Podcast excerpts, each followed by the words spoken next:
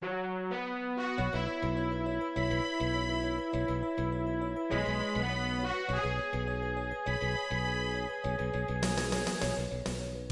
listening to Radio Free Asia. The following program is in Khmer.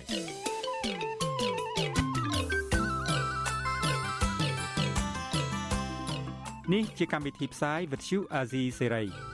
នេះជាកម្មវិធីផ្សាយរបស់ Vithu Azisari ជាភាសាខ្មែរ វត្តឈូអាស៊ីសេរីសូមស្វាគមន៍លោកអ្នកនាងទាំងអស់ពីរដ្ឋធានី Washington នៃសហរដ្ឋអាមេរិកចាប់ពីរដ្ឋធានី Washington នាងខ្ញុំម៉ៅសុធានីសូមជម្រាបសួរលោកអ្នកនាងកញ្ញាទាំងអស់ជាទីមេត្រី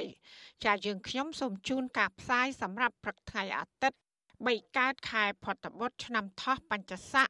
ពុទ្ធសករាជ2567ហើយដល់ត្រូវនៅថ្ងៃទី17ខែកញ្ញាគ្រិស្តសករាជ2023 ជាដំបូងនេះសូមអញ្ជើញលោកអ្នកនាងកញ្ញាស្ដាប់ព័ត៌មានប្រចាំថ្ងៃដែលមានមេត្តា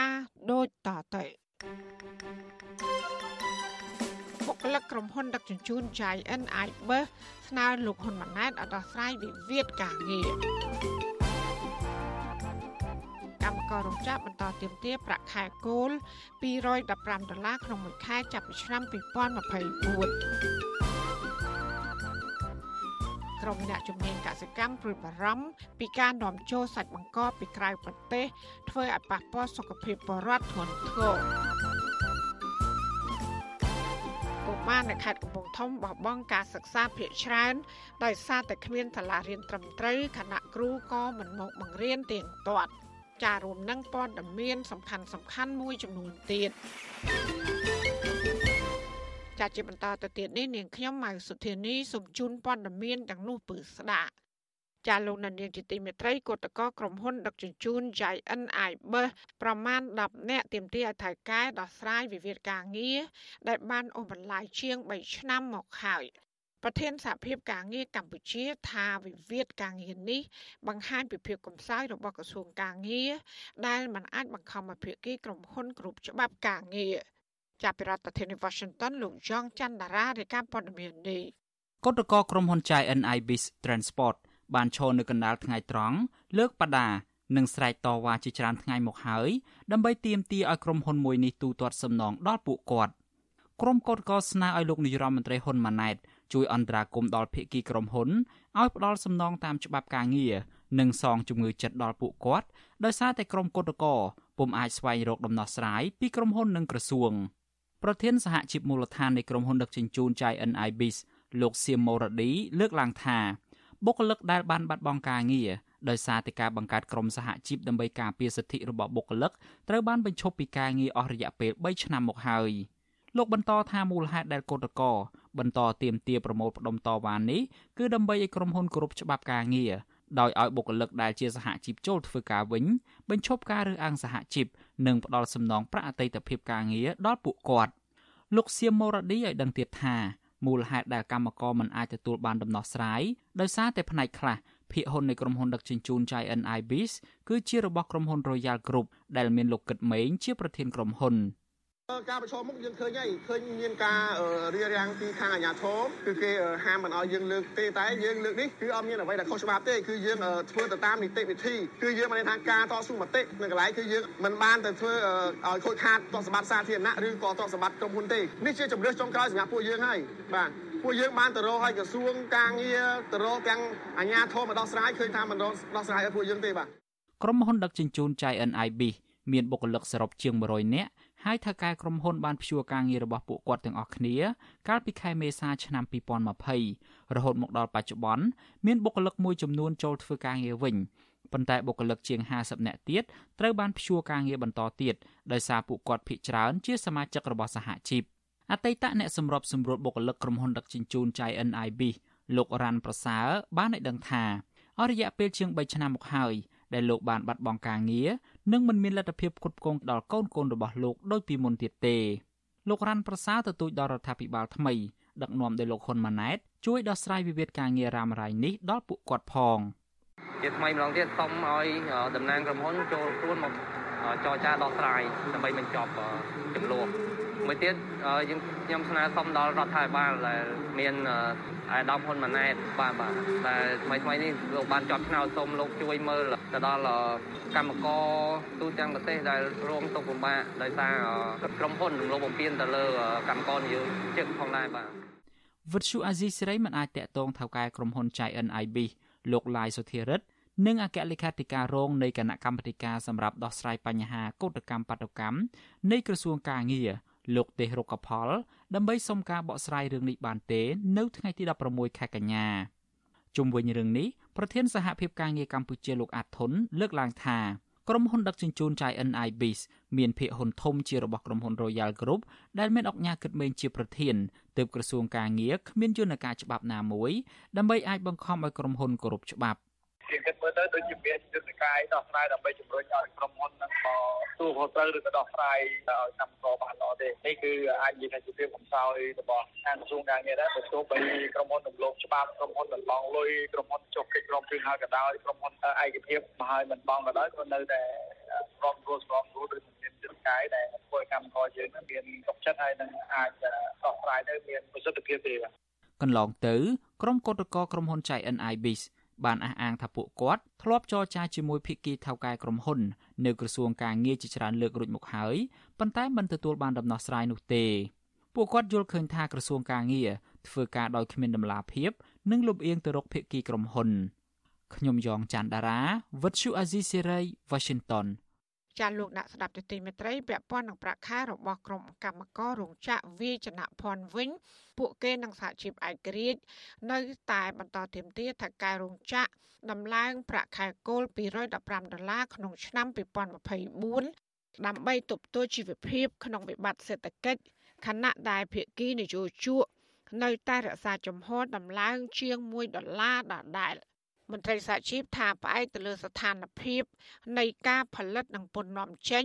ភាគីនយោជកអាចឡើងបានច្រើនជាងនេះក៏ប៉ុន្តែថៅកែរោងចក្រតែងយល់ល្បិចថាគ្មានការបញ្ជាទិញមកប្រើក្នុងពេលចរចាដំឡើងប្រាក់ខែកម្មករចានេះគឺជាសកម្មភាពរបស់លោកយុនសាមៀនជំវិញព័ត៌មាននេះលទ្ធផលបឋមនៃការចរចាដំឡើងប្រាក់ខែអបបរមារបស់កម្មកររោងចក្រ សម្រាប់ឆ្នាំ2024មកទល់ពីនេះនៅមិនទាន់មានសញ្ញាវិជ្ជមានសម្រាប់ភាគីកម្មករនៅឡើយទេដោយភាគីថៅកែអាចឡើងឲ្យបានត្រឹមតែ50សេនឬស្មើនឹង2000រៀលបន្ថែមលើតួលេខចាស់1ដុល្លារកម្មការនីនៅរោងចក្រ Aniking ក្នុងសង្កាត់ទឹកថ្លាលោកស្រីទូសំភ័សប្រាប់បច្ចុប្បន្នអសីសេរីនៅថ្ងៃទី16កញ្ញាថាការដំឡើងប្រាក់ខែតែជាង1ដុល្លារនេះ មិនអាចធ្វើឲ្យជីវភាពលំបាកលំបិនរបស់លោកស្រី បានល្អប្រសើរនោះឡើយលោកស្រីចង់បានប្រាក់ខែគោល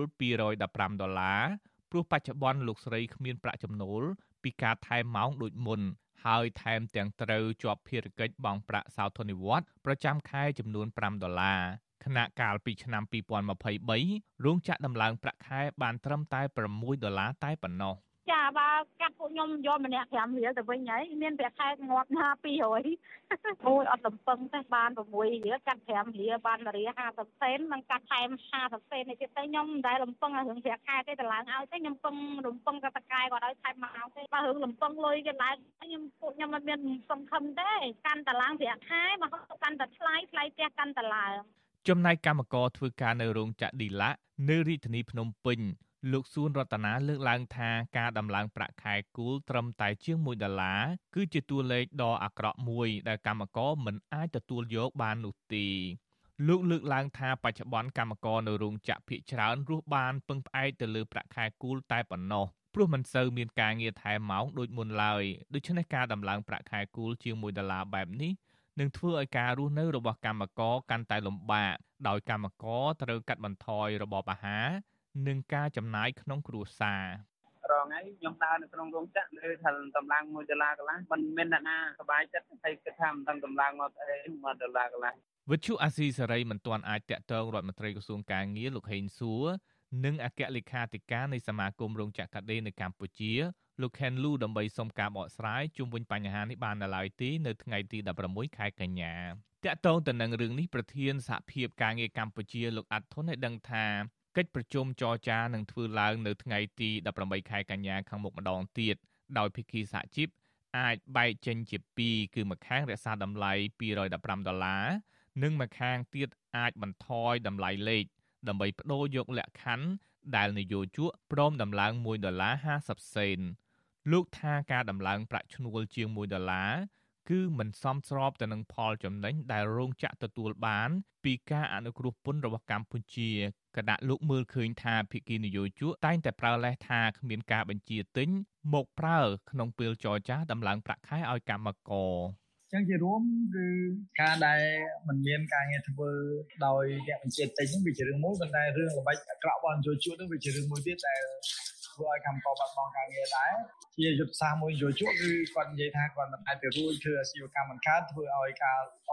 ឡើងទាមទារឡើងប្រាក់ឈ្នួលឡើងមិនរួចទេចឹងជាដើមប៉ុន្តែរឿងព័ត៌មានហ្នឹងគឺយើងទទួលបានជិត20ឆ្នាំហើយឆ្នាំណាក៏យើងឮតែនិយាយបែបហ្នឹងដែរដូចជាមិនមានអីថ្មីមិនមានអីប្លែកទេបាទកាលពីថ្ងៃទី13កញ្ញា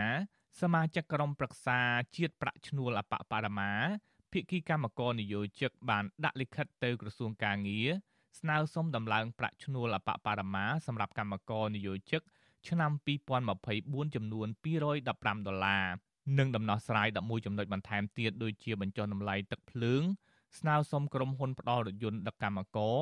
ដែលមានលក្ខណៈបច្ចេកទេសត្រឹមត្រូវនិងស្នើសុំនយោជកផ្ដល់អាហារថ្ងៃត្រង់ឬប្រាក់1ដុល្លារក្នុងមួយថ្ងៃដល់កម្មករជាដើមកម្មករធ្វើការនៅក្នុងវិស័យកាត់ដេរលើកឡើងថា ប្រសិនបើភាគីនយោជកនិងក្រសួងកាងារមិនដំឡើងប្រាក់ឈ្នួលអបបរមាតាមការស្នើសុំរបស់កម្មករទេនោះពួកគាត់នឹងធ្វើចំណាក់ស្រុកទៅធ្វើការនៅក្រៅប្រទេសជាជាងទ្រាំធ្វើការនៅក្នុងស្រុកដោយជីវភាពលំបាកខ្ញុំយុនសាមៀនវិទ្យុអាស៊ីសេរីប្រធានាធិបតី Washington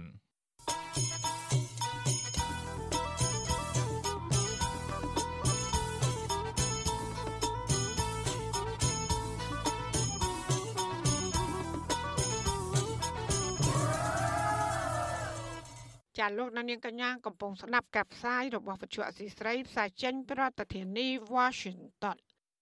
នៅខេត្តកំពង់ធំឯណោះវិញកុមារភៀសច្រើននៅភូមិរំជែកនិងភូមិអូក្រញូងក្នុងស្រុកសណ្ដានបន្តបបង់ការសិក្សាដោយសារតែពុំមានសាលារៀនត្រឹមត្រូវហើយខ្វះគ្រូមកបង្រៀនទៀងទាត់ តើអាណាព្យាបាលសិស្សមានសំណុំពរអ្វីខ្លះដល់អាជ្ញាធរពាក់ព័ន្ធនៅស្រុកនេះឲ្យជួយដោះស្រាយចាសសេចក្តីរាយការណ៍ពុស្ដាជំវិញរឿងនេះលោកណានៀងនឹងបានស្ដាប់នាពេលបន្តិចទៀតនេះលោកណានៀងជាទីមេត្រីដំណើរធាននឹងស្ដាប់ការផ្សាយរបស់វិទ្យុអសីស្រីតាមបណ្ដាញសង្គម Facebook YouTube និង Telegram លោកអ្នកនាងក៏អាចស្ដាប់ការផ្សាយរបស់យើងតាមរលក ធាតុអាកាសខ្លីឬ short wave តាមកម្រិតនិងកម្ពស់ដូចតទៅ ចាប់ពីព្រឹកចាប់ពីម៉ោង5កន្លះដល់ម៉ោង6កន្លះតាមរយៈប៉ុស SW 12.14 MHz ស្មើនឹងកម្ពស់ 25m និងប៉ុស SW 13.71 MHz ស្មើនឹងកម្ពស់ 22m ចាសម្រាប់ពេលយប់វិញគឺចាប់ពីម៉ោង7កន្លះដល់ម៉ោង8កន្លះគឺតាមរយៈប៉ុស SW 9.33 MHz ស្មើនឹងកម្ពស់ 32m ប៉ុស SW 11.88 MHz ស្មើនឹងកម្ពស់ 25m និងប៉ុស SW 12.15 MHz ស្មើនឹងកម្ពស់ 25m ចាសសូមអរគុណ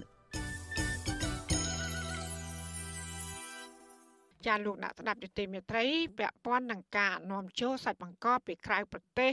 អ្នកជំនាញផ្នែកកសិកម្មនិងជំនាញផ្នែកសុខភាពព្រួយបារម្ភពីផលប៉ះពាល់ធ្ងន់ធ្ងរដល់សុខភាព របស់ប្រជាពលរដ្ឋដែលបានបរិភោគសាច់ទាំងនោះការបារម្ភនេះកើតឡើងក្រោយពីសមត្ថកិច្ចបានរកឃើញសាច់បង្កកជាបន្តបន្ទាប់ដែលមានផ្ទុកសារធាតុគីមី ចាលោកជាតិចំណានទីការព័ត៌មាននេះ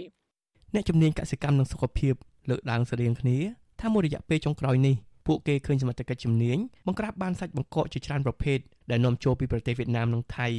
បញ្ហាទាំងនេះធ្វើឲ្យក្រុមអ្នកជំនាញព្រួយបារម្ភពីសុខភាពរបស់ប្រជាពលរដ្ឋដែលបានបរិភោគសាច់ទាំងនោះដោយសារតែសាច់បង្កកទាំងនោះមានលាយសារធាតុគីមីប្រធានសមាគមសម្ព័ន្ធកសិករកម្ពុជាលោកថេងសាវឿនប្រាប់វិទ្យុអេស៊ីសរ៉ៃឲ្យដឹងនៅថ្ងៃទី16ខែកញ្ញាថាការកត់សម្គាល់របស់លោកប្រជាពលរដ្ឋខ្មែរតែងតែចូលចិត្តទិញសាច់បង្កកទាំងនោះជាជាងទិញសាច់ស្រស់យកទៅបរិភោគ ដោយសារតែសាច់បង្កកមានតម្លៃធូរថ្លៃជាងសាច់ស្រស់លលោកបន្ថែមថាឈ្មោះដែលរកស៊ីសាច់បង្កកចង់មិនចង់ត្រូវតែប្រើប្រាស់សារធាតុគីមីដើម្បីរក្សាសាច់ទាំងនោះទុកបានយូរណាមួយងាយស្រួលក្នុងការដឹកជញ្ជូនឆ្លងប្រទេសផងដែរយើងអាចនិយាយបានថាឈ្មោះកណ្ដាលឬក៏ឈ្មោះរកស៊ីធំធំហ្នឹងក៏ទទួលបានផលចំណេញដោយសារតែបច្ចេកទេសឬក៏ការវិចាររបស់គេឬក៏សាច់បង្កកហ្នឹងមាន ការលក់ទៅកាន់ទីផ្សារទៀតជាងហើយប្រជាពលរដ្ឋច្បាស់ណាស់ក៏គាត់រំលឹងមើលនិងប្រើប្រាស់បរិភោគសាច់ណាដែលមានតម្លៃទាបជាងគាត់មិនគិតអំពីគុណភាពទេស្រដៀងគ្នានេះដែរប្រធានក្រុមប្រឹក្សាសមាគមអ្នកចិញ្ចឹមសត្វកម្ពុជាលោកលីឡាវិលលើកឡើងថាបញ្ហានៃការនាំសាច់បង្កកពីប្រទេសជិតខាងលើសលប់ទើបធ្វើឲ្យសាច់ជ្រូកនិងសាច់ផ្សេងទៀតនៅក្នុងស្រុកមិនអាចលក់បានថ្លៃហើយធ្វើឲ្យម្ចាស់កសិដ្ឋានប្រឈមមុខនឹងការបញ្ឈប់ប្រកបរបរមួយនេះ លោកបន្ថែមថាសមាគមរបស់លោកកំពុងតែស្វែងរកកិច្ចអន្តរាគមន៍ពីមន្ត្រីពាក់ព័ន្ធដើម្បីទប់ស្កាត់ការនាំចូលសាច់ជ្រូកចូលពីប្រទេសជិតខាងដោយខុសច្បាប់និងសាច់ដែលខូចគុណភាពលោកជំរុញទៅអាជ្ញាធរពាក់ព័ន្ធត្រូវតែយកចិត្តទុកដាក់ទប់ស្កាត់បើពុំដូច្នេះទេ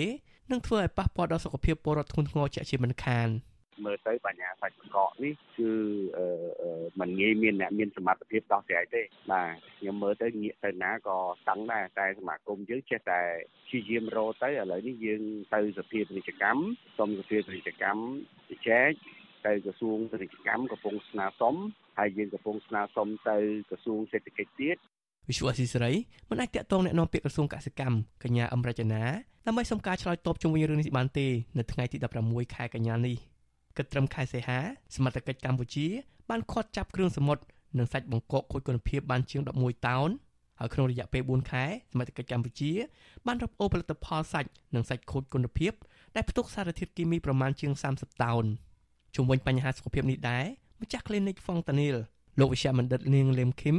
យល់ឃើញថាប្រជាពលរដ្ឋខ្មែរនៅមានការយល់ដឹងតិចតួចណាស់ក្នុងការថែទាំសុខភាពរបស់ខ្លួនរួមទាំងការជ្រើសរើសអាហារយកមកបរិភោគថែមទៀត លោកបន្ថែមថាបញ្ហាទាំងនេះធ្វើឲ្យប្រជាពលរដ្ឋឆាប់មានជំងឺប្រចាំកាយស្របពេលដែលសេវាកម្មថែទាំសុខភាពរបស់កម្ពុជានៅមានកម្រិតខ្សោយនិងធ្វើឲ្យបញ្ហាសុខភាពរបស់ពលរដ្ឋកាន់តែធ្ងន់ធ្ងរឡើងអឺហើយណាមួយតើតើវិស័យសុខាភិបាលយើងវា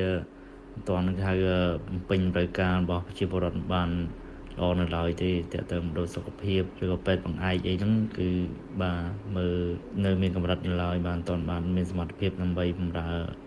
ប្រជាជននៅតាមជនបទឬក៏នៅតាមភូមិភូមិគាត់ហ្នឹងឲ្យបាន100%នៅឡើយទេនៅតែមានការបញ្ជូនជំងឺមកមមឬជំងឺធ្ងន់នេះមកបែបថ្នាក់ជាតិណារបាយការណ៍សមាគមអ្នកចិញ្ចឹមសត្វកម្ពុជាឲ្យដឹងថា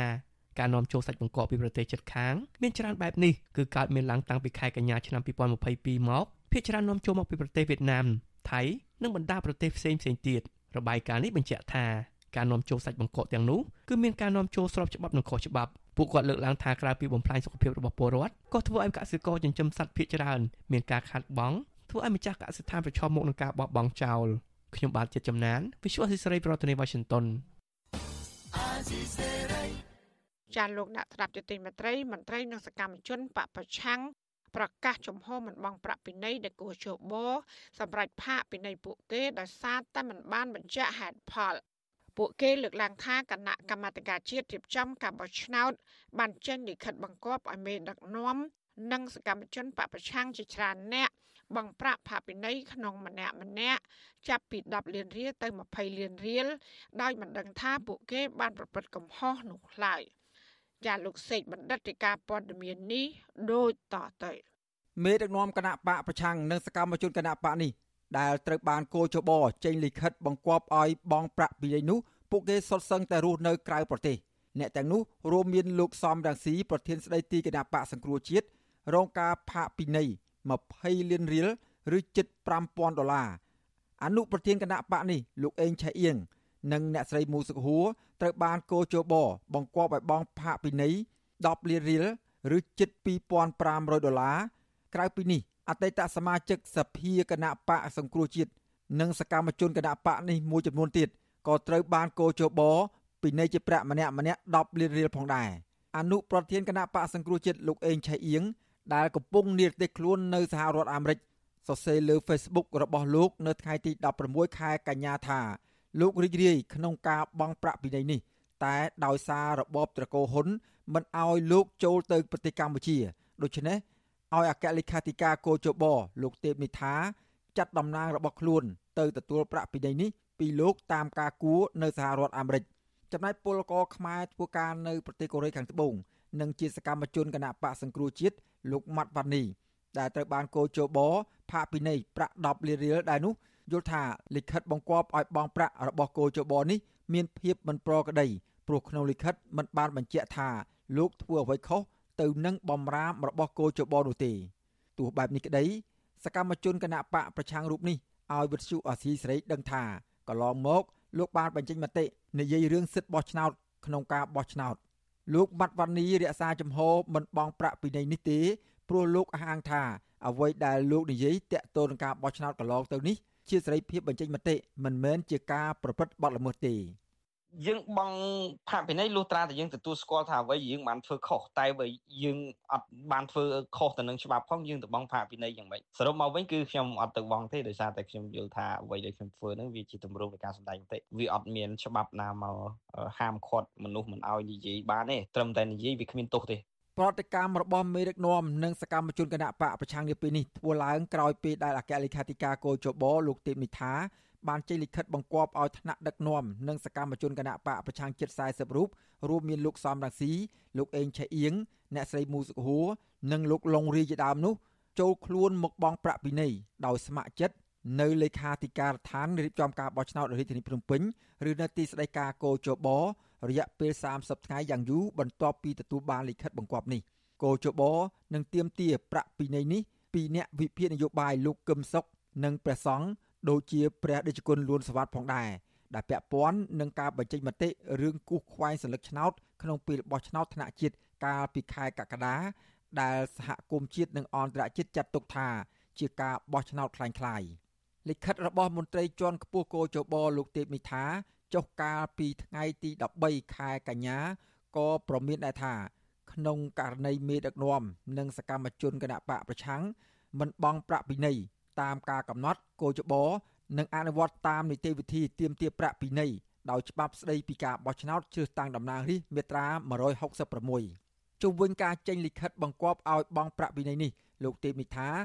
សុំមិនបកស្រាយទេដោយលោកជំរុញឲ្យសុំការបញ្ជាក់ពីអ្នកនាំពាក្យកោជបលោកហងពុធាអើខ្ញុំគ្រាន់តែទៅសញ្ញេជាឯកសាររដ្ឋបាលទេណាខ្ញុំគ្រាន់ជាអ្នករដ្ឋបាលសញ្ញេចេញទេបាទតកតោនឹងរឿងនេះ នាយកប្រតិបត្តិអង្គការឃ្លាំមើលការបោះឆ្នោតនៅកម្ពុជាហៅកាត់ថា Netflix លោកសំគុណធីមីយល់ថា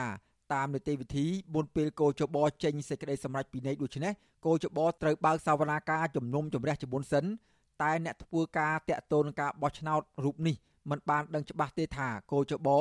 បានជំនុំជម្រះលើសំណុំរឿងនៅពេលណានោះទេទោះបែបនេះក្តីលោកសំគុណធីមីយល់ថាកោជបមិនគួរចេញលិខិតបង្គាប់ឲ្យបង់ប្រាក់ពីនេះនោះទេ លោកបន្តថាគោចបគួរតែមានការប្រមានជាមុនសិនហើយប្រសិនបើបុគ្គលទាំងនោះមិនរៀងចាលទើបគោចបសម្រាប់ធ្វើការផាកពិន័យ ធ្វើការវិន័យអស់ហ្នឹងគួរតែមិនគួរវិន័យទេអាហ្នឹងបើសិនជាគឺធ្វើការជំនុំរះកវាំងមុខហ្នឹងក៏ពមៀនទៅណាបញ្ឈប់អីហ្នឹងណាបាទគាត់ថាឲ្យបញ្ឈប់សកម្មភាពហ្នឹងវាខុសច្បាប់អីចឹងណាតាមកើជាបមេត្រាតាមច្បាប់បោះឆ្នោតច្បាប់អីហ្នឹងណាលោកណាវិទ្យុអសីសេរីនៅពុំទាន់អាចសុំការបំភ្លឺអំពីរឿងនេះបន្ថែមពីអ្នកនាំពាក្យកោចបលោកហងពុធាបានទេ នៅថ្ងៃទី16កញ្ញាកាលពីអំឡុងនៃការបោះឆ្នោតថ្នាក់ជាតិឆ្នាំ2023ខែកក្កដាកន្លងទៅ ដែលជាការបោះឆ្នោតហាមឃាត់មិនឲ្យគណៈបកភ្លើងទៀនចូលរួមការបោះឆ្នោតនោះមេដឹកនាំនិងសកម្មជនគណៈបកប្រឆាំងបានធ្វើយុទ្ធនាការតាមបណ្ដាញសង្គម Facebook ប្រាប់ទៅពលរដ្ឋថាការទៅបោះឆ្នោតឬមិនទៅបោះឆ្នោតជាសិទ្ធិរបស់ប្រជាពលរដ្ឋហើយពលរដ្ឋមិនរងការបង្ខិតបង្ខំឲ្យទៅបោះឆ្នោតដែលគ្មានគណៈបកពួកគេពេញចិត្តពួកគេអាចគូសខ្វែងលើសិលឹកឆ្នោតនោះបានទោះជាយ៉ាងណាដោយសារតែមានការស្រែកបញ្ជាពីលោកហ៊ុនសែននោះ ស្ថាប័នកោចបដែលរងការរិះគន់ថាជាឧបករណ៍របស់គណៈបកកណ្ដាលអំណាចបានចាត់វិធានការភ្លាមភ្លាមដោយបង្វែរសាច់រឿងបញ្ចេញមតិរបស់ថ្នាក់ដឹកនាំនិងសកម្មជនគណៈបកប្រឆាំងនេះទៅជារឿងខុសច្បាប់ហើយទាមទារឲ្យបង់ប្រាក់ផាកពិន័យតែម្ដង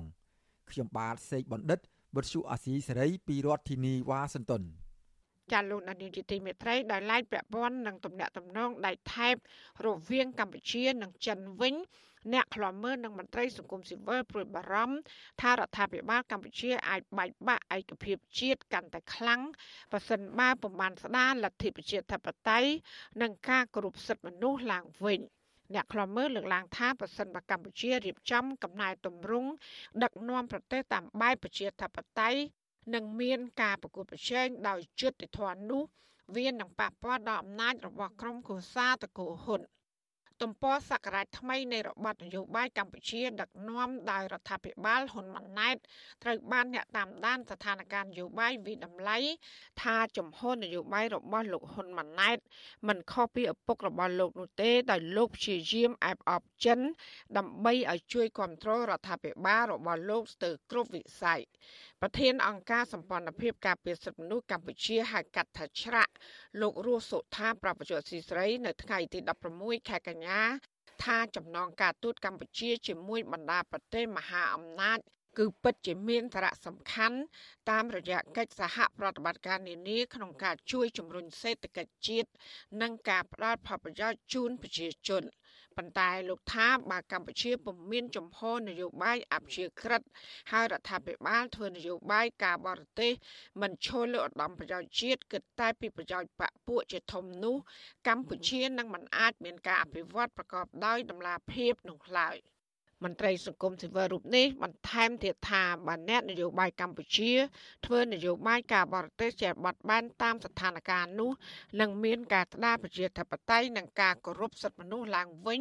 កម្ពុជានឹងទទួលបានប្រយោជន៍សេដ្ឋកិច្ចការអភិវឌ្ឍជាតិនិងផលប្រយោជន៍តាមរយៈកិច្ចសហប្រតិបត្តិការនានា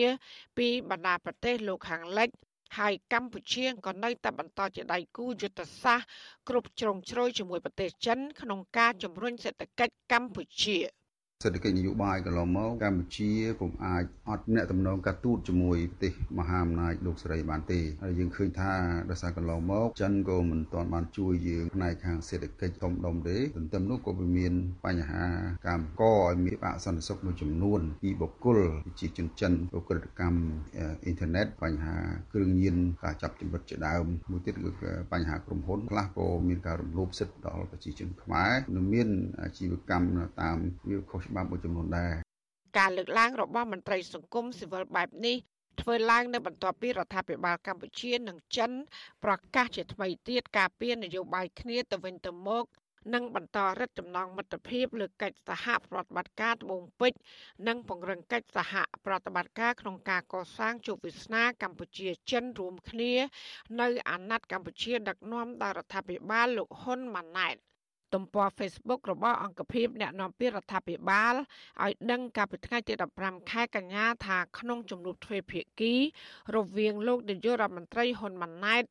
និងប្រធានាធិបតីចិនលោកស៊ីជីនពីងប្រទេសចិនប្រកាសបដិញ្ញាការពារកម្ពុជាពីការប៉ុនប៉ងក្នុងផ្លូវអវិជ្ជមានណាមួយ។ រដ្ឋាភិបាលក្រុងប៉េកាំងក៏បានលើកឡើងអំពីមិត្តភាពកម្ពុជាចិនថានៅតែមានភាពរឹងមាំ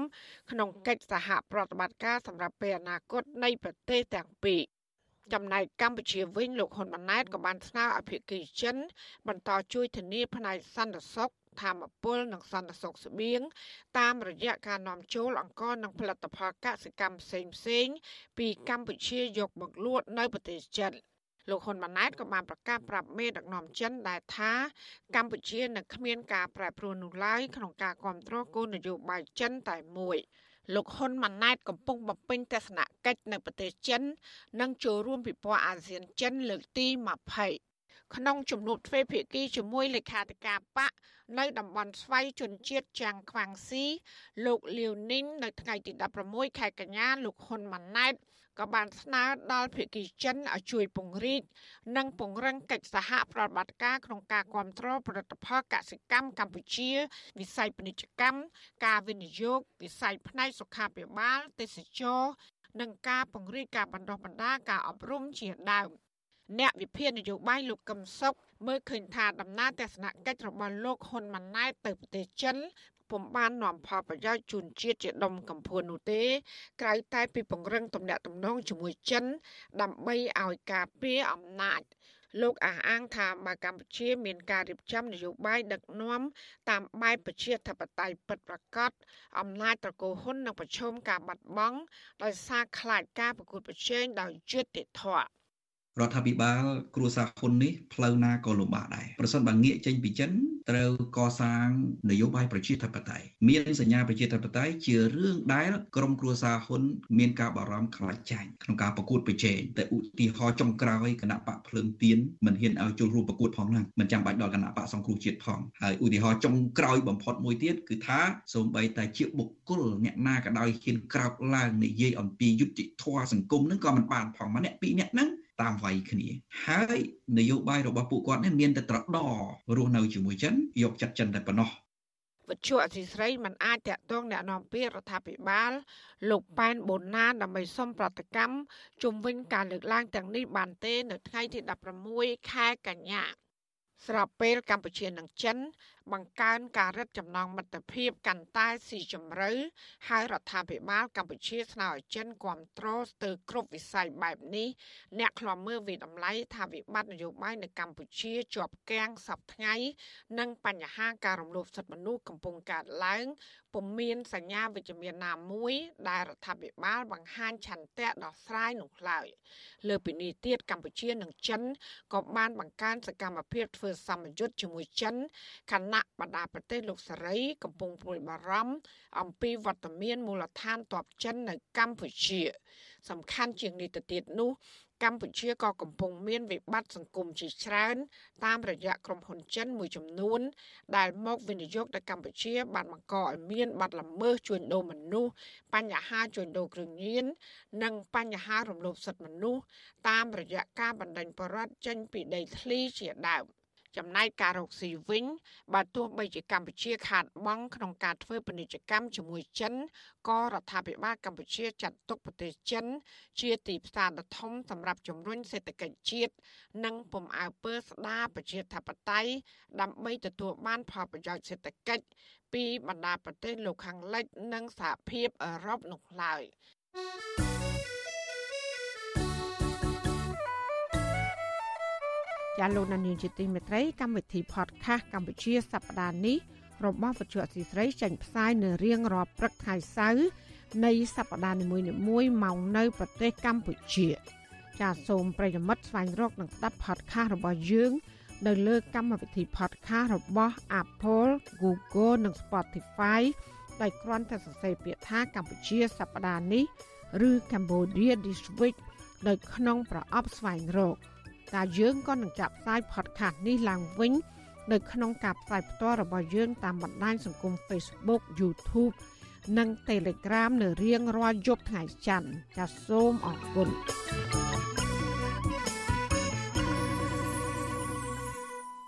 ចាលោកនាងកញ្ញាកំពុងស្ដាប់ការផ្សាយរបស់វិទ្យុអសីស្រីផ្សាយចេញពីរដ្ឋធានី Washington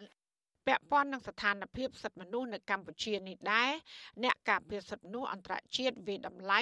ថាស្ថានភាពសិទ្ធិមនុស្សនៅកម្ពុជាបន្តធ្លាក់ចុះគួរឲ្យព្រួយបារម្ភដោយសារការធ្វើទុកបុកម្នេញឥតស្រាកស្រានពីសំណាក់រដ្ឋាភិបាលចាស់នៃលោកហ៊ុនសែននិងរដ្ឋាភិបាលថ្មីរបស់លោកហ៊ុនម៉ាណែត ជាមួយគ្នានេះអំពើហ ংস ានយោបាយក៏បានកើតមានឥតឈប់ឈរទៅលើសកម្មជននយោបាយនិងអ្នកបញ្ចេញមតិរិះគន់ក្នុងគោលដៅបំបិតមាត់ពួកគេមិនឲ្យរិះគន់ប្រឆាំងរដ្ឋាភិបាលតទៅទៀតបទសម្ភាសរវាងលោកយ៉ងច័ន្ទរាជាមួយលោក Phil Robertson នាយករងទទួលបន្ទុកកិច្ចការតំបន់អាស៊ីនៃអង្គការឃ្លាំមើលសិទ្ធិមនុស្សអន្តរជាតិ Human Rights Watch ជាមួយរឿងនេះនាពេលបន្តិចទៀតនេះ thank you ចាលោកណានៀងជាទីមេត្រីវັດឈុអសីស្រីសូមជូនដំណឹងថាយើងគ្មានអ្នកយកព័ត៌មានប្រចាំទៅប្រទេសកម្ពុជានោះឡើយបើសិនជាមានជនណាម្នាក់អះអាងថាជាអ្នកយកព័ត៌មានឲ្យវិទ្យុអសីស្រីនៅកម្ពុជានោះគឺជាការក្លែងបន្លំយកឈ្មោះរបស់វិទ្យុអសីស្រី ក្នុងគោលបំណងទុច្ចរិតរបស់បុគ្គលនោះចាសសូមអរគុណ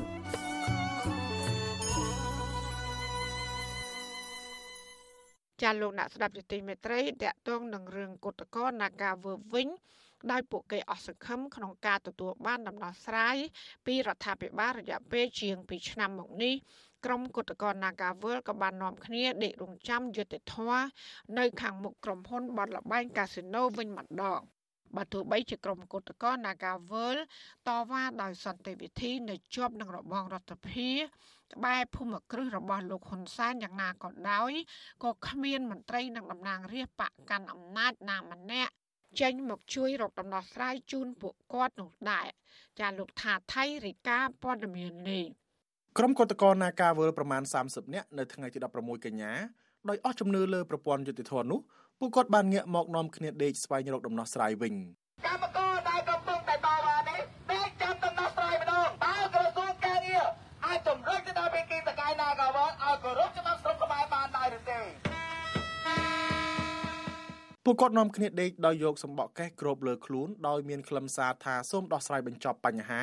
និងអ្នកខ្លះទៀតអង្គុយលើកបដាឲ្យទម្លាក់ចោលបទចោតលើក្រុមកោតក្រទាំងអស់ គណៈករនាការវើលោកស្រីមុំសុវត្ថិនប្រាវិទ្យុអាស៊ីសេរីនៅថ្ងៃទី16កញ្ញាថាការដែលក្រុមគណៈករនាំគ្នាដេកននៀលបែបនេះគឺដោយសាររងចាំក្រសួងកាងារនិងក្រសួងពាក់ព័ន្ធជួយដោះស្រាយវិវាទការងាររយៈពេលជាង2ឆ្នាំហើយនៅតែគ្មានលទ្ធផល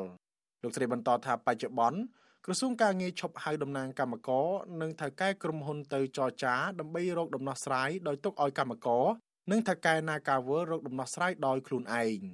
ចង់និយាយថាកម្មករគឺអត់សុខចិត្តទេនៅពេលដែលមានការរំលោភបំពានដាច់ខាតត្រូវតែផ្ដល់យុត្តិធម៌ដាច់ខាតត្រូវតែផ្ដល់ដំណោះស្រាយកុំអានេះប្រៀបដូចជាក្មេងដែលយំននាលហើយយើងអត់ទៅលួងឲ្យទុកឲ្យគ្នានៅយំនៅអានាលពេញហ្នឹងវាជារូបភាពមួយដែលវាអាក្រក់មើលដល់ថ្នាក់គ្នាដេកអានាលហើយនៅអត់ខ្វល់ពីគ្នាទៀតអញ្ចឹងណាបើទោះបីជាក្រុមគឧតកោនាការវើតវ៉ាដោយសន្តិវិធីនិងបន្លឺសម្លេងស្គរកងរំពងនៅជាប់នឹងរបងរដ្ឋសភាក្បែរភូមិគ្រឹះរបស់លោកហ៊ុនសែនយ៉ាងណាក្តី ក៏គ្មានមន្ត្រីនិងតំណាងរាស្ត្រគណៈបកកណ្ដាលអំណាចណាម្នាក់ចេញមកជួយរកដំណោះស្រាយជូនពួកគាត់ដែរទាក់ទងបញ្ហានេះមន្ត្រីគ្រប់គ្រងសិទ្ធិការងារនៃអង្គការសង្ត្រាល់លោកខុនថារ៉ូគាត់សម្គាល់ថាវិវាទការងារនេះមានភាពមិនប្រក្រតីដោយសារតែថៅកែក្រុមហ៊ុន Nagavel រំលោភសិទ្ធិការងារកម្មករបែរជាទទួលបានតំណែងជាទីប្រឹក្សារដ្ឋាភិបាលលោកបន្តថាបញ្ហានេះនឹងបណ្ដាលឲ្យថៅកែរោងចក្រផ្សេងទៀតយកគំរូតាម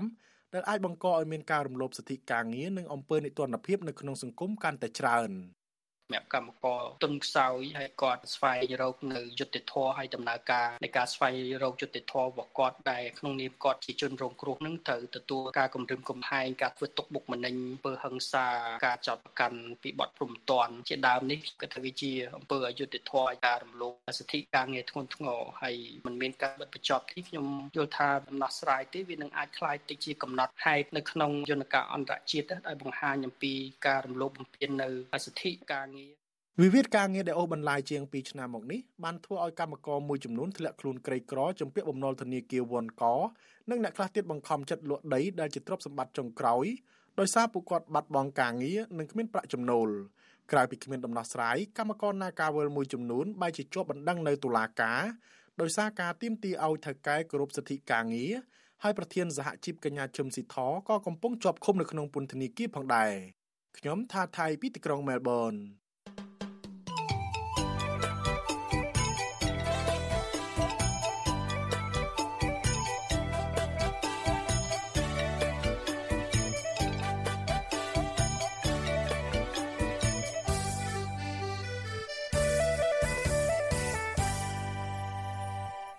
ចាលោកនានីជាទីមេត្រីនៅឯខេត្តកំពង់ធំឯនោះវិញ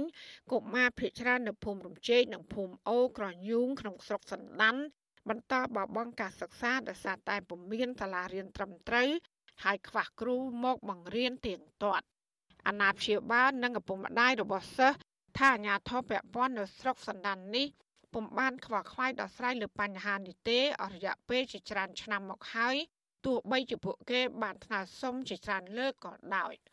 ចាលោកតារារិជសែនរាយការណ៍ពុស្ដាជំនាញព័ត៌មាននេះដូចតទៅសាលាបឋមសិក្សាមួយកន្លែងនៅភូមិរំជែកឃុំសុចិត្តស្រុកសណ្ដាននៅតំបន់ដាច់ស្រយាលជនបទពុំសូវមានអ្នកខ្វល់ខ្វាយធ្វើឲ្យប៉ះពាល់ការសិក្សារបស់កុមារនៅក្រៅសាលាពោពេញទៅដោយព្រៃឈើនិងចំការរបស់អ្នកភូមិ ចំណែកនៅក្នុងបរិវេណសាលាវិញពុំសូវឃើញសិស្សមករៀនបានទៀងទាត់ទេខណៈដែលអគារសិក្សាធ្វើពីឈើដ៏ចាស់ទ្រុឌទ្រោមចំនួន2ខ្នងคล้ายជាកន្លែងភូមិអ្នកចងគោហើយយូរយូរទើបឃើញសិស្សមករៀនម្ដងសាលាបឋមសិក្សានេះត្រូវបាន សាងសង់អស់រយៈពេលជាង10ឆ្នាំមកហើយដោយគំនិតផ្ដួចផ្ដើមរបស់អ្នកភូមិ ចំនួន2ភូមិគឺភូមិរំជែកនិងភូមិអូក្រញូងឃុំសុចិត្ត បាននាំគ្នារៃអង្គាសលុយបន្តិចបន្តួច និងកាប់ឈើនៅក្នុងព្រៃមកធ្វើដោយខ្លួនឯងដោយពុំមានជំនួយពីរដ្ឋាភិបាលឡើយចំណែកកុមារដែលរៀនសូត្រនៅទីនោះសល់ត្រឹមតែ50នាក់ប៉ុណ្ណោះទោះបីភូមិនេះមានប្រជាពលរដ្ឋជាង200គ្រួសារក៏ដោយប្រជាពលរដ្ឋម្នាក់ដែលរស់នៅជាប់សាលាបឋមសិក្សាភូមិរំជែកឃុំសុចិត្តលោកស្រីហ៊ុនយៀនប្រាប់វិទ្យុអាស៊ីសេរីថា លោកស្រីបារម្ភអំពីអនាគតកូន ខ្លាចមិនចេះដឹងដោយសារតែកូនលោកស្រីខកខានរៀនសូត្រដិតដល់ជាង3ឆ្នាំមកហើយចាប់តាំងពីសាលារៀននេះកាន់តែទ្រុឌទ្រោមហើយគ្មានគ្រូមកបង្រៀនបានទៀងទាត់ លោកស្រីថាមួយខែទៅពីរខែទើបឃើញគ្រូមកបង្រៀនម្ដង លោកស្រីបន្តថា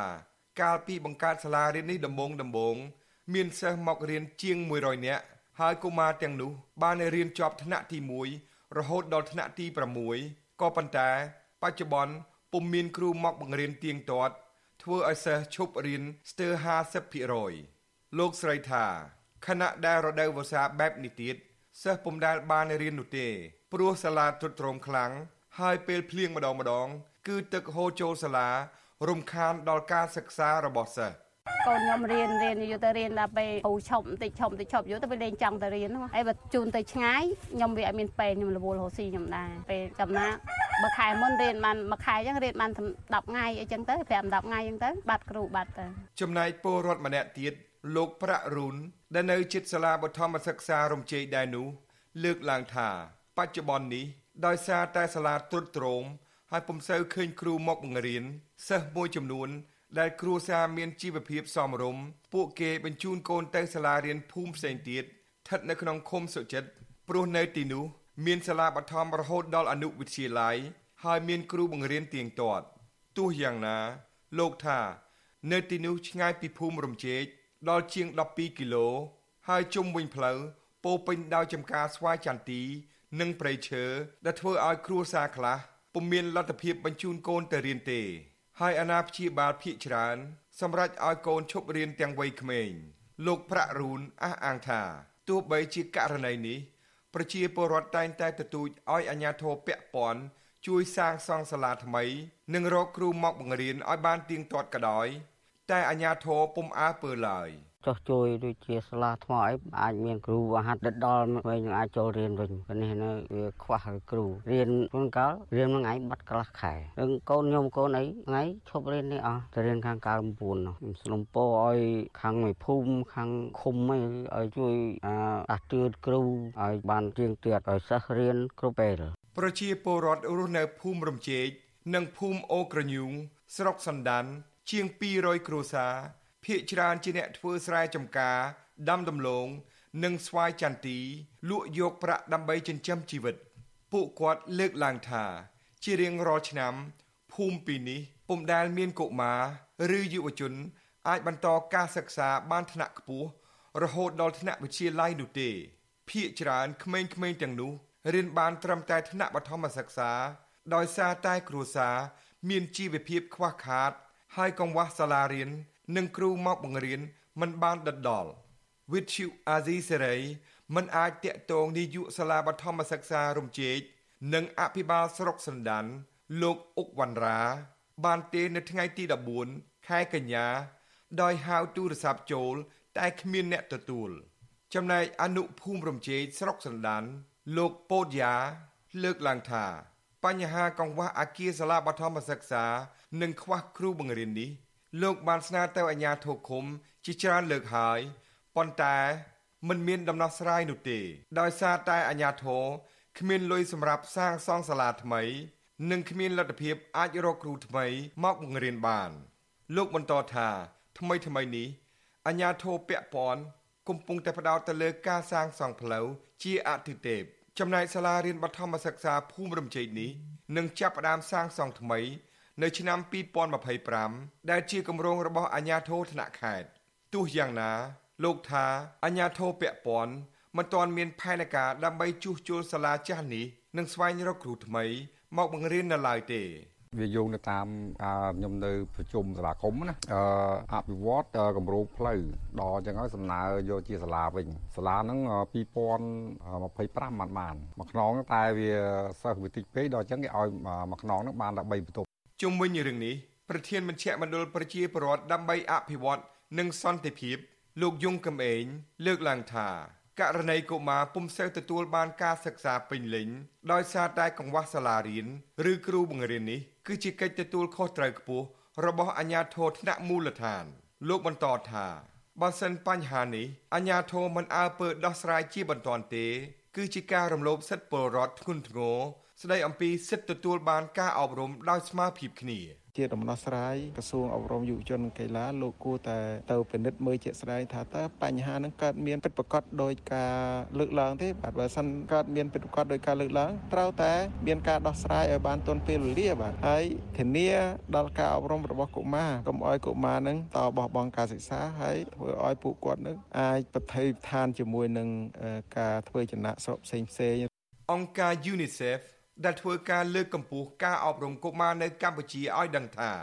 នៅបច្ចុប្បន្ននេះកុមារនៅតាមជនបទនៅតែពុំទាន់រៀនទាន់ស្តង់ដារនៃការរៀនសូត្រស្របទៅតាមអាយុរបស់ពួកគេនៅឡើយអង្គការនេះលើកឡើងថា នៅកម្រិតបឋមសិក្សា មានកុមាររៀនថ្នាក់ទី3ជិត25%ពុំចេះសរសេរសូម្បីតែពាក្យមួយម៉ាត់នៅក្នុងការសរសេរតាមអានកុមារអាយុ3ទៅ5ឆ្នាំត្រឹមតែ27%ប៉ុណ្ណោះ ដែលមានការអភិវឌ្ឍចំណេះអក្សរនិងលេខស្របទៅតាមអាយុរបស់ពួកគេ ហើយមានក្មេងជំទង់55%បោះបង់ចោលការសិក្សា មុនពេលពួកគេអាយុ17ឆ្នាំខ្ញុំដារ៉ារាជសែន With you Azisari ទីក្រុង Adelaide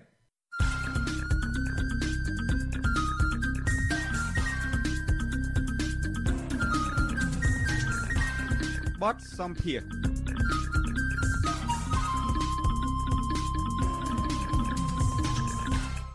លោកណានីជាទីមេត្រីអ្នកការពារសិទ្ធិមនុស្សអន្តរជាតិ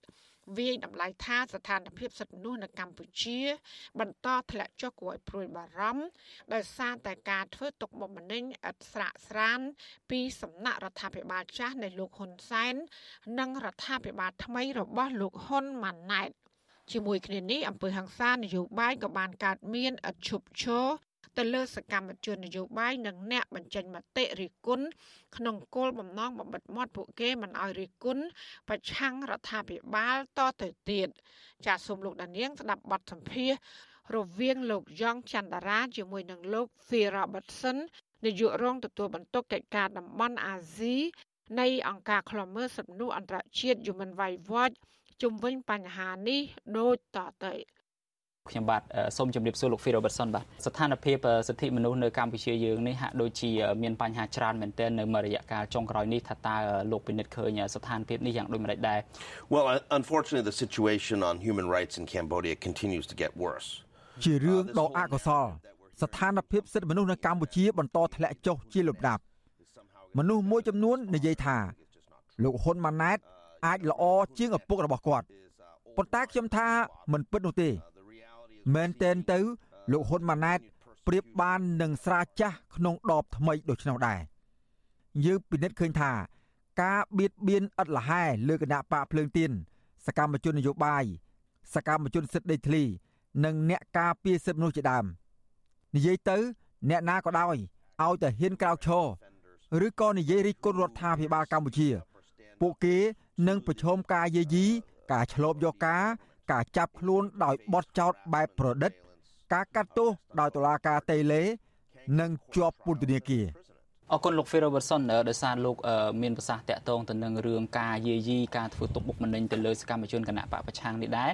យើងឃើញថាមួយរយៈពេលចុងក្រោយនេះមានអង្គើហឹង្សាច្រើនមែនទែនកើតឡើងទៅលើសកម្មជនគណៈបកប្រឆាំងហើយនិងសកម្មជនសង្គមបើយើងគិតទៅគឺថាមានសកម្មជនយ៉ាងហោចណាស់50នាក់ហើយដែលត្រូវបានគេលួចគេវាយប្រើអង្គើហឹង្សាទៅលើពួកគាត់នឹង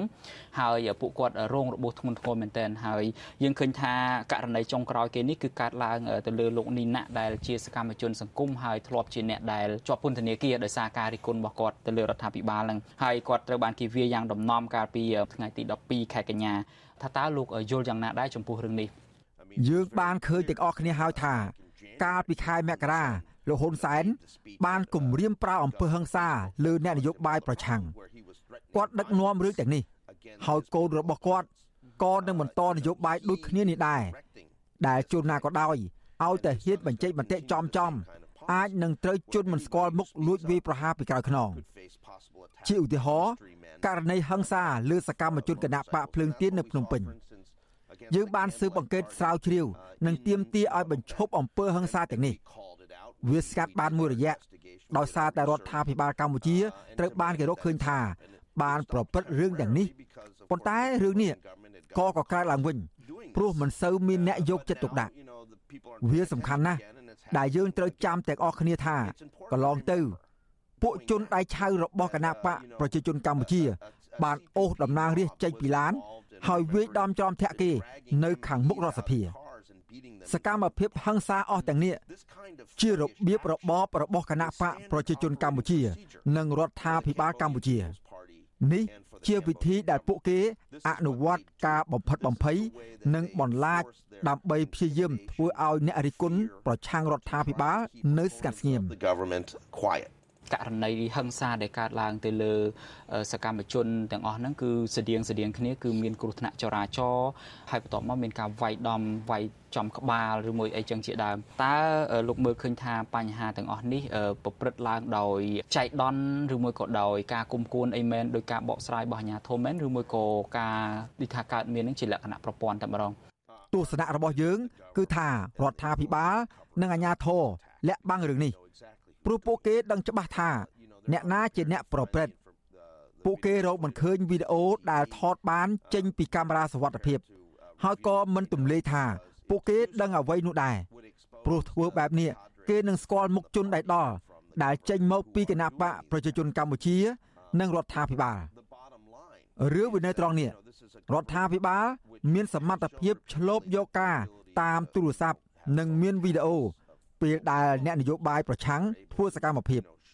ប៉ុន្តែពេលរដ្ឋាភិបាលខ្លួនឯងជាអ្នកប្រព្រឹត្តវិញយើងមិនបានដឹងមិនបានឃើញអ្វីឡើយនេះជារឿងកុហកទាំងស្រុងនិងជាបរាជ័យនៃការទទួលខុសត្រូវរបស់រដ្ឋាភិបាល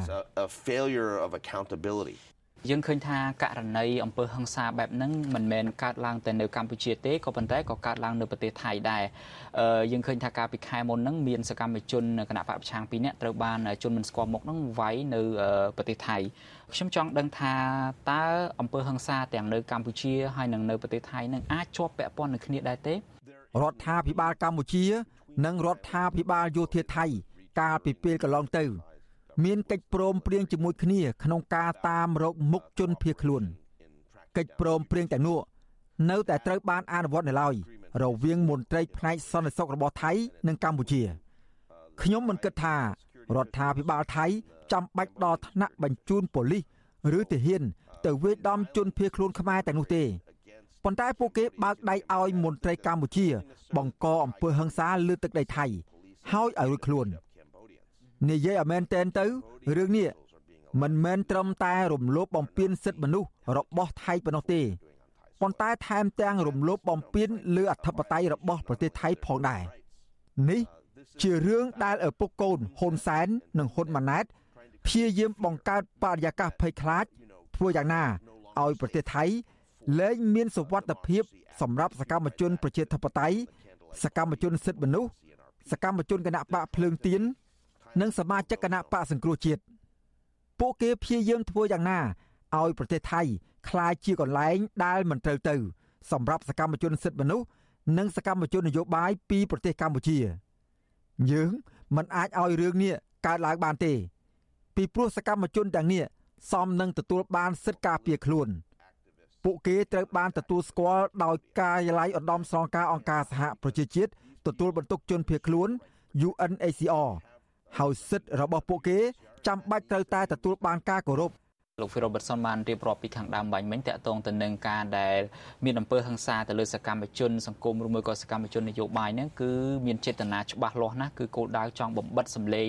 រិះគន់សម្លេងប្រឆាំងនឹងឯងថាតើលោកគិតថាវាអាចនឹងមានប្រសិទ្ធភាពដែរទេយុទ្ធសាស្ត្រនេះ I continue to be very impressed with the bravery ខ្ញុំកោតសរសើរខ្លាំងមែនទែនចំពោះភាពក្លាហានរបស់សកម្មជនសិទ្ធិមនុស្ស និងប្រជាធិបតេយ្យនៅកម្ពុជា ពួកគេដឹងច្បាស់ហើយថាបើពួកគេបន្លឺសម្លេងឡើងមកនោះពួកគេនឹងប្រឈមមុខនឹងការសងសឹក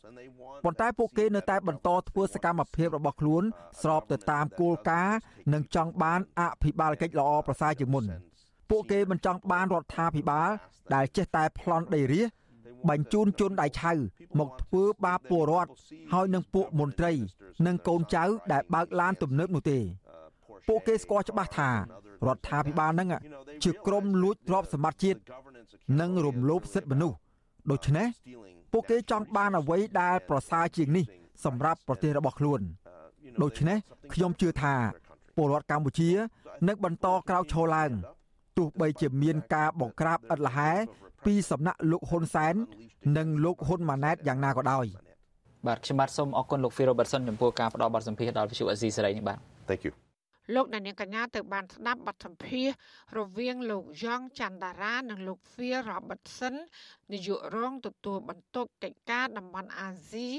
នៃអង្គការឃ្លាំមើលសិទ្ធិមនុស្សអន្តរជាតិ Human Rights Watch អំពីការធ្លាក់ដុនដាបនៃស្ថានភាពសិទ្ធិមនុស្សនិងអំពើហិង្សានយោបាយជាបន្តបន្ទាប់មកលើសកម្មជននយោបាយនិងអ្នករិះគន់រដ្ឋាភិបាល ចាលោកដានីជាទីមេត្រីក្នុងឱកាសនេះដែរនាងខ្ញុំសូមថ្លែងអំណរគុណដល់លោកដានីកញ្ញាទាំងអស់ដែលតែងតែមានភក្ដីភាពចំពោះការផ្សាយរបស់យើងហើយចាត់ទុកការស្ដាប់វិទ្យុអសីសេរីគឺជាផ្នែកមួយនៃសកម្មភាពប្រចាំថ្ងៃរបស់លោកអ្នកការគ្រប់គ្រងរបស់លោកដានៀងនេះហើយដែលធ្វើយើងខ្ញុំមានទឹកចិត្តកាន់តែខ្លាំងថែមទៀតក្នុងការស្វែងរកនិងផ្តល់ព័ត៌មានជូនដល់លោកដានៀង ចាំមានអ្នកស្ដាប់អ្នកទេសនាកាន់តែច្រើនកាន់តែធ្វើយើងខ្ញុំមានភាពស្វាហាប់មោះមុតជាបន្តទៀតចាយើងខ្ញុំសូមអរគុណទុកជាមុនហើយក៏សូមអញ្ជើញលោកដានៀងកញ្ញាចូលរួមជំរុញឲ្យសកម្មភាពផ្ដល់ព័ត៌មានរបស់យើងនេះកាន់តែជោគជ័យបន្ថែមទៀតលោកដានៀងអាចជួយយើងខ្ញុំបានដោយគ្រាន់តែចុចចែករំលែកឬ share ការផ្សាយរបស់យើងនេះ នៅលើបណ្ដាញសង្គម Facebook និង YouTube ទៅកាន់មិត្តភ័ក្តិដើម្បីឲ្យការផ្សាយរបស់យើងនេះបានទៅដល់មនុស្សកាន់តែច្រើនចាសសូមអរគុណ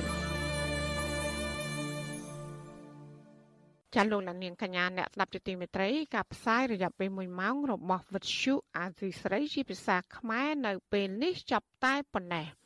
ចាយើងខ្ញុំទាំងអស់គ្នាសូមជូនពរលោកនាងនិងក្រុមគ្រួសារទាំងអស់សូមជួបប្រកបតែនឹងសេចក្តីសុខសេចក្តីចម្រើន ជានិរន្តរ៍ ចានាងខ្ញុំម៉ៅសុធានីព្រមទាំងក្រុមការងារទាំងអស់របស់អសីស្រីសូមអរគុណនិងសូមជម្រាបលា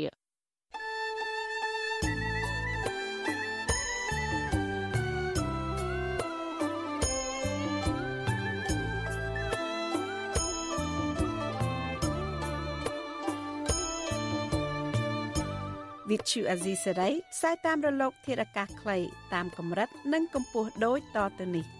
ពេលព្រឹកចាប់ពីម៉ោង5កន្លះដល់ម៉ោង6កន្លះតាមរយៈប៉ុស SW 12.14 MHz ស្មើនឹងកម្ពស់ 25m និងប៉ុស SW 13.71 MHz ស្មើនឹងកម្ពស់ 22m ពេលយប់ចាប់ពីម៉ោង7កន្លះដល់ម៉ោង8កន្លះតាមរយៈប៉ុស SW 9.33 MHz ស្មើនឹងកម្ពស់ 32m ប៉ុស SW 11.88 MHz ស្មើនឹងកម្ពស់ 25m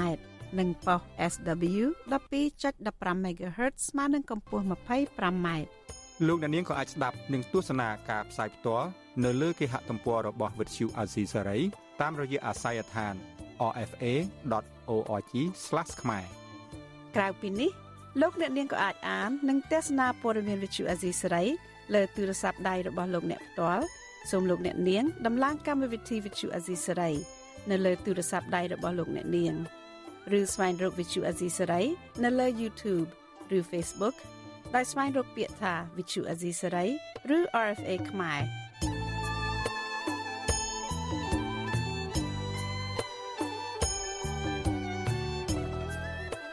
សូមលោកអ្នកនាងចុច like follow និងចុច subscribe ដើម្បីទទួលបានព័ត៌មានថ្មីៗទាន់ហេតុការណ៍និងទស្សនាវីដេអូផ្សេងៗទៀតបានគ្រប់ពេលវេលា។